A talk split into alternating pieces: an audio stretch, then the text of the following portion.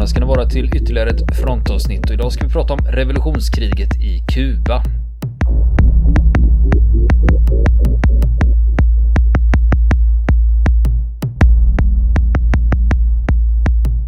Ja du, Niklas. Ja, Ja, Fidel Castro fyllde 90 år i somras. just det. Gubben lever fortfarande. Jajamän, han har alltså suttit vid makten sedan 1959. Ja. Eller, och det är alltså 57 år. Och för att man ska liksom fatta hur länge det här är, att när Castro kom till makten, då var fan Eisenhower president i USA. Helt sanslöst. Kennedy hade alltså inte tillträtt. Och i Sverige regerade Erlander. Ja, Ja, det är 50-tal. ja det är 50-tal. Ja. Men Och, eh, och, och Elvis hade var, stod på sin höjdpunkt. Ja, jag hade knappt slagit igenom. Ja. Ja, men eh, och det är just det här att Castro, Castro har ju lyckats hålla sig vid makten där eh, under 11 presidenter. Och 8 november, då får vi reda på om det till och med är att han har hunnit ha makten under 12 presidenter. Om Castro lever fram till 8 november, vill säga. Då, då möter han sin 12 amerikanska president. Just Ja, det. och de presidenterna som har passerat kavalkad under tiden Mm. Castro har suttit vid makten, det är alltså Eisenhower, Kennedy, Johnson, Nixon, Ford, Carter, Reagan, Bush den äldre, Clinton, Bush den yngre och Obama.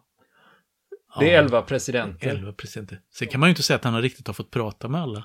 Eh, Nej, det, det har han faktiskt inte, inte fått eh, göra, även om han mötte några. Han mötte ju Eisenhower i början i alla fall. Ja, just det. Just det. Eh, Och Obama var Ja. ju i våras. Sen har han möjligen Kuba. precis bara mött någon av, i största hast liksom i swishat förbi i uh, lobbyn på FN-skrapan eller någonting sånt. Ja, Men- jo, jag har faktiskt, det, jag kommer att nämna lite om hans besök i, i, i Ah. USA. Okej.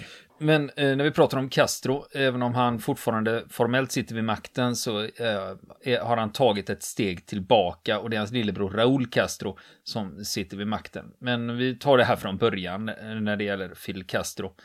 För innan Castro kom till makten då styrdes Kuba av eh, diktatorn Fulgencia Batista. Och han var eh, genomkorrupt men hade ändå en sida som tilltalade folket för han hade bakgrund som mulatt och det gjorde att han eh, sågs som ganska folklig. Mm. Ja, Och han kom från ganska enkla förhållanden också.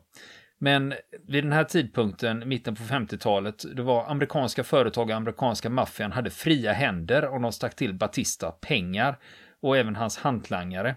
Och det gjorde de. I filmen Gudfadern 2, då sitter de amerikanska maffiabossarna och delar upp Kuba mellan sig, symboliskt nog med en tårta.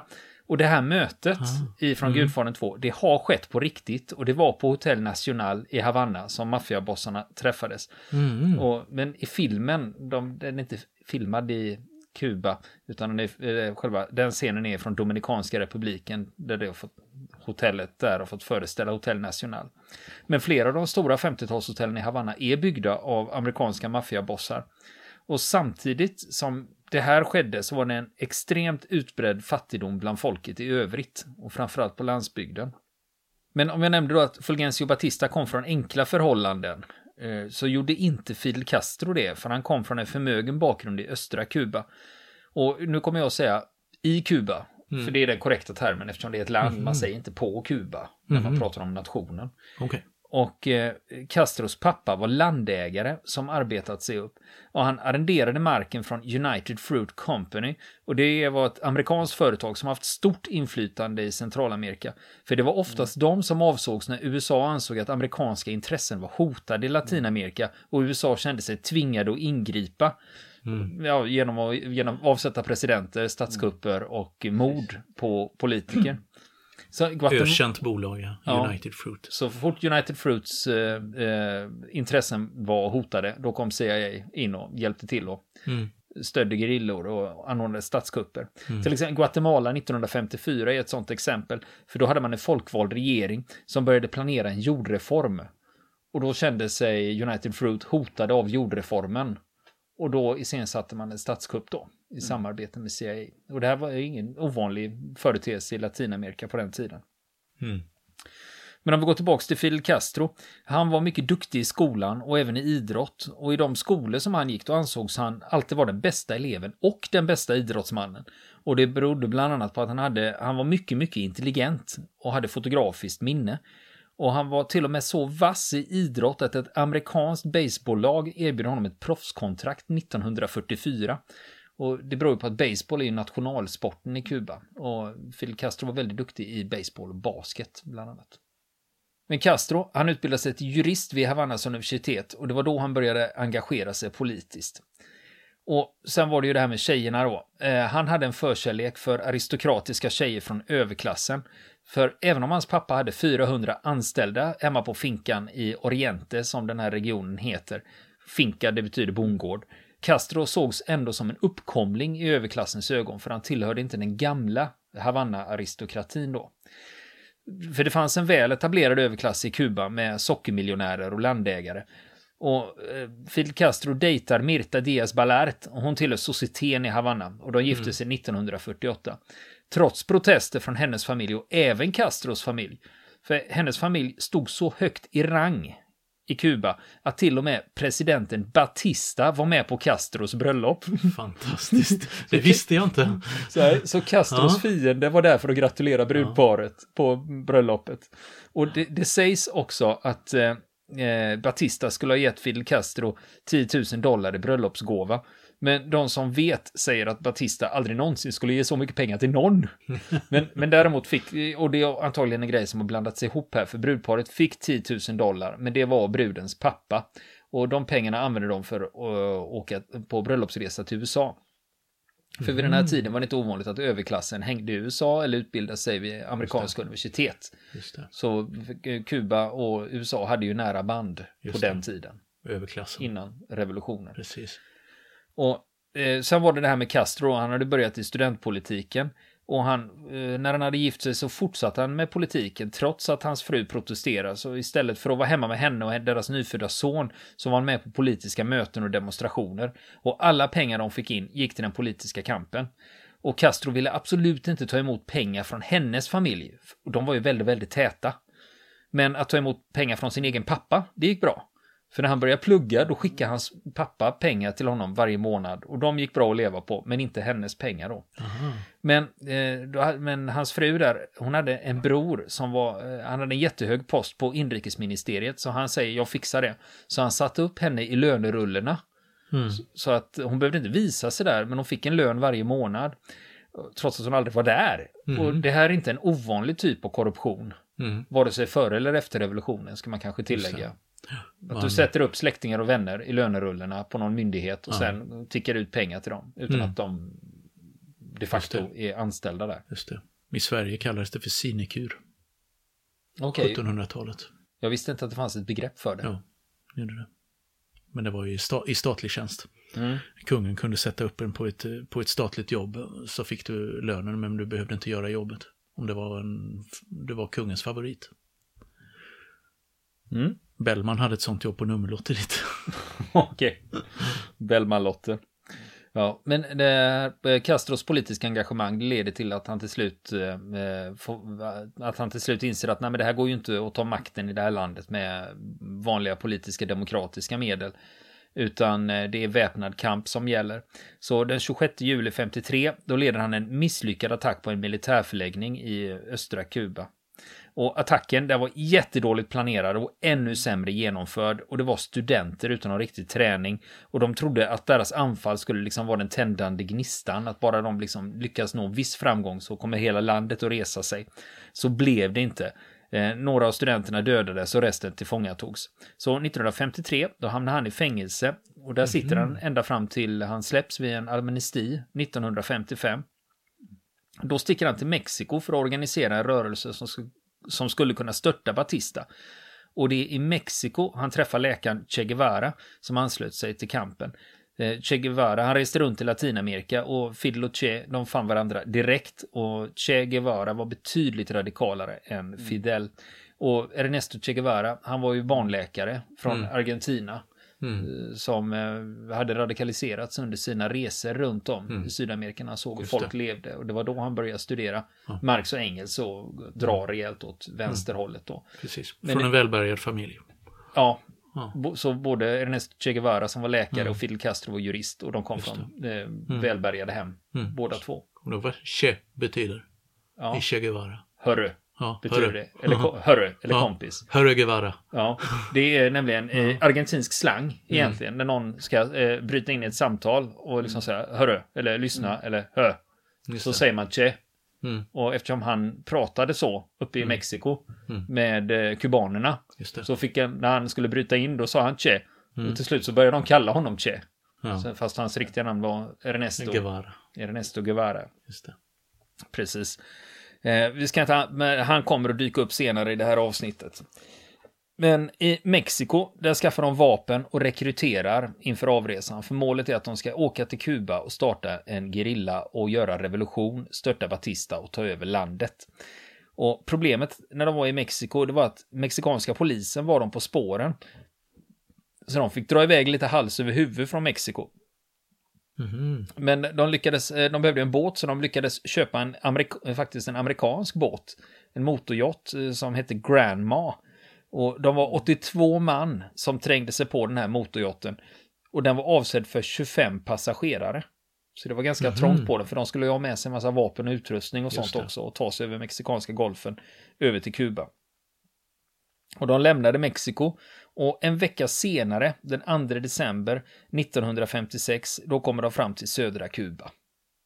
Mm och ska kliva i land där. Mm. Men den här landstigningen som de hade tänkt sig, det blev inte alls så som de hade tänkt sig, utan de gick i land på fel plats och det var mer ett skeppsbrott än en riktig landstigning. Så de fick inte med sig alla grejer de hade tänkt sig, utan det var i stort sett kläderna de hade på kroppen och sina vapen. Och sen var det de i land och då hamnade de i träskmark direkt. Problemet... Inte direkt ärofullt. Eh, nej, det började inte så nej. bra. Va? Och dessutom visste Batista-regimen att de var på väg mot Kuba. De hade fått information om det, så de hade hunnit förbereda sig. Och det, här, och det här började ju inte bra när de väl hade klivit i land, för Batistas soldater var de tidigt på spåren. Och efter fem dagars förvirrat irrande i träsk och sockerrörsfält under beskjutning från Batistas trupper, då var de bara 17 stycken som inte hade dödats eller tillfångatagits.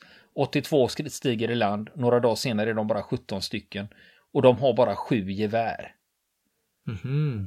17 man och 7 gevär, det är inte mycket att starta en revolution med. Inte riktigt. inte riktigt. Det är ingen revolution, befrielsearmé riktigt. Nej, men de lyckades ta sig upp i en otillgänglig bergskedja som heter Sierra Maestra för att organisera sig. Och där kunde de på sikt så småningom erbjuda lite motstånd mot Batistas soldater. Och den här bergskedjan Sierra Maestra ligger i östra Kuba nere vid sydkusten, så den ligger i öst-västlig riktning och den ligger ganska nära havet på sydkusten där. Mm grejen var så här att det fanns ett spritt motstånd mot Batista i flera olika grupper runt om i landet. Bland annat fackföreningar, studenter och bönder var oppositionella och mot Batista-regimen. Och det blev också bönderna som utgjorde rekryteringsbasen för gerillan, för de var ju bara 17 man från början. Men mm. det fanns lite spridda motståndsgrupper runt om i Kuba vid det här laget. Gerillan ansåg att bönderna var väldigt centrala i kampen. För det var så här att när Batistas soldater kom till en gård då stal de en höna och så våldtog de döttrarna. Och gerillan hade stränga order av, av Castro och Che Guevara att aldrig någonsin stöta sig med lokalbefolkningen. De visste att vi måste ha dem på våran sida för att vi överhuvudtaget ska kunna uträtta någonting. Och det förekom att gerillamän blev avrättade av Castro och Che Guevara för att de hade ertappats med dumheter som drabbade lokalbefolkningen. Till exempel om det var fråga om våldtäkt eller stölder så blev de avrättade då för Castro och Che Guevara, de visste att eh, de var beroende av böndernas stöd. Utan dem skulle de inte ha någon chans.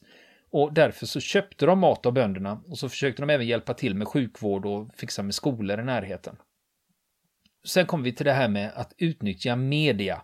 För eh, redan när Castro var studentpolitiker i Havanna så var han duktig på att utnyttja media så han var faktiskt eh, känd i Havanna i politiska kretsar. För han var med i tidningen, inte varje dag, men eh, ganska ofta och gjorde radikala uttalanden. Mm. Även om det inte nödvändigtvis var så långt åt vänsterhållet på den tiden, utan det var mer allmänt mot Batista-regimen. Och det här med media, det börjar han med även nu. Så i februari 1957, då lyckas de övertyga New York Times och skicka en reporter. Och det blev karlen Herbert Matthews som gjorde den första intervjun med Castro i Sierra Maestra. Och det blev en regisserad föreställning av Castro. För när, när Matthews kom till lägret, eh, de har ett läger mm. uppe i bergen med ett fåtal gerillasoldater. Och när han kommer upp till lägret och säger de att ah, Castro är inte här just nu. Han är vid en annan av våra baser, men han är på väg. det, det var det inte, han satt bakom ett trä. Och Castros soldater, eh, de var instruerade att gå omkring i lägret hela tiden och även byta kläder så det skulle se ut som de var fler än vad de faktiskt var. Och mm. under intervjun så, eh, så kommer det ett radioanrop från kolonn 2 till Castro. Och säger att det är från kolonn 2, du måste ta det. Det fanns ingen kolonn 2. Nej. det var bara liksom var ett spel för gallerierna. Liksom. Bara ett spel för gallerierna då. Men New York Times, de drar på det här om att Castro är en stor gerillaledare och han har samlat en stor styrka uppe mm. i bergen. Och på frågan då från reporten, är du kommunist? Då svarar han, nej det är jag inte. Han säger att han ska återupprätta den gamla författningen från 1940 med fria val och fri företagsamhet. Aha. Och det är ju vid det här laget så vet han ju om att det finns flera olika motståndsgrupper runt om i landet. Och säger han att han är kommunist, då är det många som inte kommer att ställa sig bakom honom. Och dessutom visste han ju eh, med McCarthyismen i USA att han ville inte stöta sig med USA i det här Just läget. Det. För går han ut och säger att han är kommunist, då kommer ju USAs regering att gå i taket och bli livrädd att en kommunistisk gerilla eventuellt skulle kunna få makten i USAs närområde. Just det. Så det var ju liksom, ja. så han gjorde en korrekt analys av situationen där, att det var inte läge att gå ut och kalla sig kommunist vid det läget Nej, då. Precis. En av anledningarna också var att, eh, för i det här laget så Batista eh, stod ju under USAs vingar till viss del. Och han var rädd också att eh, USA skulle stärka sitt stöd till Batista om han hade sagt att han var kommunist. Mm. Men han hade tur för senare i, under det här revolutionskriget så förlorade Batista sitt stöd från USA. Och det var en av grejerna som ledde till hans nederlag också. Mm. Men i slutet av 1957, de gick ju i land 2 december 1956 och i slutet av 1957 var de fortfarande inte fler än 200 stycken i grillan uppe i bergen. Och större delen av tiden då gömde de sig bara för Batistas soldater. Så de lekte, alltså det var inga, mm. inte så mycket strider eller offensiv utan de bara höll sig de undan. Höll sig undan ja, precis. Ja. Men under tiden då var det ungdomsrörelser som stod för sabotage och attentat i de kubanska städerna. Och Batistas våldsamma svar när han slog ner de här demonstrationerna, det gjorde att han förlorade i popularitet hos grupper som tidigare hade stött honom. Mm. Så där började han tappa fotfästet lite grann. Just det. Lite som ett terror där man skapar missnöje. Mm. Och oro. Ja, men det var ju framförallt hans våldsamma mm. svar hela tiden som gjorde att eh, folk Precis. började ledsna på honom. Men gerillans offensiv ut från den här bergskedjan där de satt, den tog ju inte fart förrän 1958. Och en av anledningarna, det var att den kubanska oppositionen, den var splittrad och ingen av grupperna ville underställa sig en annan grupp. Mm. För då hamnar man ju som nummer två i en eventuell framtida makthierarki. Man vet om att om, om jag, om vi ställer våran grupp till förfogande under Castro, om han kommer till mm. makten, då kommer inte jag bli president. Precis. Då blir det ju Castro. Ja, så det var det, ingen ville liksom Nej. ansluta sig till någon annan. Nej, just det. Så de, alla jobbar på varsitt ja. håll där istället. Men i februari, då startar eh, gerillan egna radiosändningar över hela Kuba. Och stationen heter Radio Rebelde. Och mm. eh, den här idén, det var Che Guevara som föreslog det. För han hade hört en station som styrdes av CIA i Guatemala, som hette La Voz de la Liberación, mm. eh, frihetens röst. Och han tyckte det var ett bra sätt att nå ut med sitt budskap. Och bland annat eh, så började man sända där och då hade man bland annat långa tal av Fidel Castro. Och Radio Rebelde, de, alltså Rebellradion, de, mm. de finns fortfarande kvar som radiokanal i Kuba. Mm. Och vill man se den gamla sändningsutrustningen så står den på Revolutionsmuseet inne mm. i Havanna om man är teknikintresserad. Mm. Men nu är vi framme vid 58 och då, är det, då har oppositionen eh, utlyst en generalstrejk. Men den blir totalt misslyckad. Och det blir ett sånt fiasko så då slu, sluter sig de andra motståndsrörelserna samman till Fidel Castros 26 juli-rörelse. Och i och med det så blir Castro ledare för den samlade oppositionen i landet. Och då passar han även på att rensa ut motståndare i organisationen som han var, eh, som han inte litade på. Och namnet 26 juli, det heter det fortfarande. Det ser man om man är på Kuba, så, så ser man flaggor och banderoller och sånt. Och då står det ofta, det är en svartröd flagga och så står det 26 juli. Och det kommer ifrån det datumet 1953, då Castros uselt planerade och genomförde attack skedde mm. på kasernerna i östra Kuba. Så det är det man räknar som startskottet ja, för revolutionen. 26 juli 1953 och då kallar de sig 26 juli-rörelsen. Och i samband med det här, 1958, eh, då försöker sig Batista på en stor offensiv mot gerillan. Och problemen för Batistas del, det börjar med att de höga militärerna, de var utnämnda och utnämnde även sina underlydande, inte utifrån meriter och kompetens, utan vem som var släkt med vem och vem som var kompis med vem. Så det spelar ingen roll om du var duglig eller inte. Nej. Om du var en bra militär, det var skitsamma. Som så ofta. Ja, för då är du släkt med rätt person ja. eller kompis med rätt person. väger tyngre. Då är det det som gäller. Mm. Har du kontakter, då kan Precis. du få de rätta positionerna. Och dessutom, det här Sierra Maestra, det här bergsområdet där Fidel Castro opererar med sin gerilla, mm. den är indelad i två militärområden med två olika befälhavare. Och de var inte bäst i världen på att samverka. Nej. Så att de höll på med två olika operationer samtidigt med att försöka få fast gerillan. Och det var 11 000 armésoldater mot 300 i Castros gerilla vid det här laget. Och eh, arméns offensiv startar 24 maj. Då är det dags att slå till mot Castros gerilla. Men den här bergskedjan som de är i Sierra Maestra, det finns inga riktiga vägar där, utan det är bara stigar. Som mm. du ah. på sin höjd kan, du kan få fram en åsna på dem. Du kan inte köra fordon på något sätt. Och det gick inte att använda pansar eller fordon överhuvudtaget, utan framryckningen brukade ske på kolonn. Mm. Och med en väl placerad kulspruta eller en mindre grupp, då var det lätt att stoppa de här framryckningarna. Ja, just det. det var bara att placera en kulspruta på rätt ställe så var det omöjligt för armén att rycka fram. Var det fixat? Ja, och de, det var bakhåll och eldöverfall. Mm. Och sen falla tillbaka. Och för i de flesta fall så ryckte bara armén tillbaka.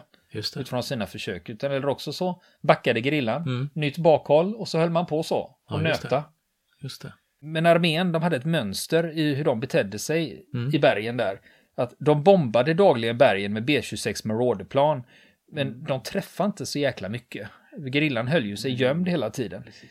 Och så var det två armékolonner som försökte rycka in i bergskedjan norrifrån. Sierra Mestra ligger vid sydkusten, ja. så man kommer inte från havet, man tar landvägen och försöker ta sig in på två kolonner mm. norrifrån då.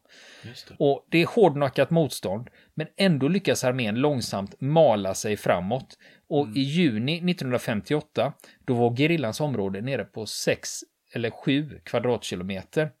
Men armésoldaterna vid det här laget, de var så körda i botten av den här framryckningen och striderna att i juni så lyckas gerillan omringa en bataljon och tillfoga dem mycket svåra förluster under tre dagar. Mm. Strider de med den här bataljonen som tappar väldigt mycket manskap. Och i juli, så de här soldaterna som har, armésoldaterna som har ryckt fram norrifrån, så i mm. juli beordras de till reträtt. Och istället så gör armén ett försök med att landsätta soldater söderifrån. Så då kommer de från havet och ska ta sig mm. upp i bergskedjan från andra hållet. Och en bataljon rycker fram söderifrån, men de har ingen bevakning på flankerna. Och det gör att de blir omringade. Och två kompanier försöker slås in söderifrån och komma till undsättning och rädda bataljonen, men de slås tillbaka av tung kulspruteeld. Så nu är den här bataljonen isolerad där uppe. Och efter en vecka så ger de upp och gerillan kommer då över väldigt mycket vapen och ammunition. Och Castro hade erbjudit den här bataljonen en ärofylld kapitulation. Mm. För bataljonen, den leddes av en av hans gamla studiekompisar från universitetet. Så han mm. kände honom och sa det, ja men du, vi är ju gamla kompisar, är det inte läge att lägga ner vapnen nu? Och till slut så gjorde han det. Men gerillan, de var ju inte så många så de, kunde inte, de hade inte resurser att ta krigsfångar. Nej. De hade ju ingenstans att internera dem och de hade ingen som kunde vakta dem heller.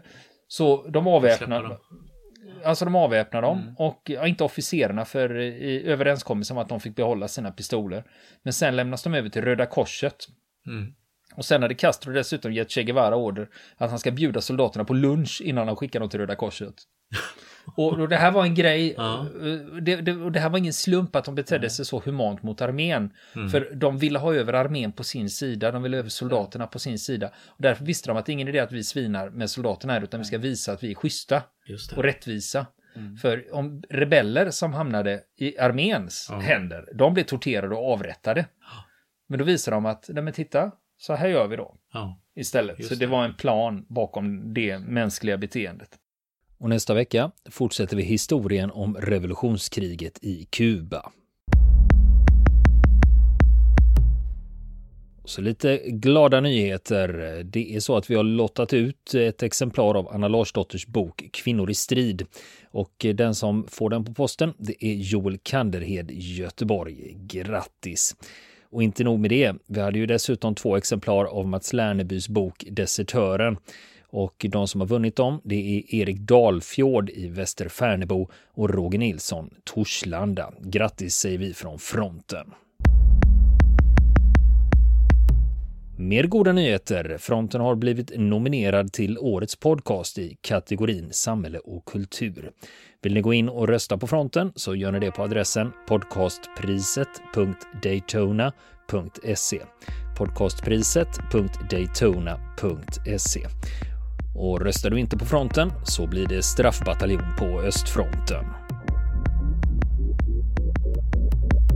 Vill ni komma i kontakt med oss så kan ni göra det via vår Facebook-sida som heter Fronten. Det är inga problem för er att leta er fram där. Eller också så mejlar ni på vår mejladress och det är frontenpodcast@gmail.com.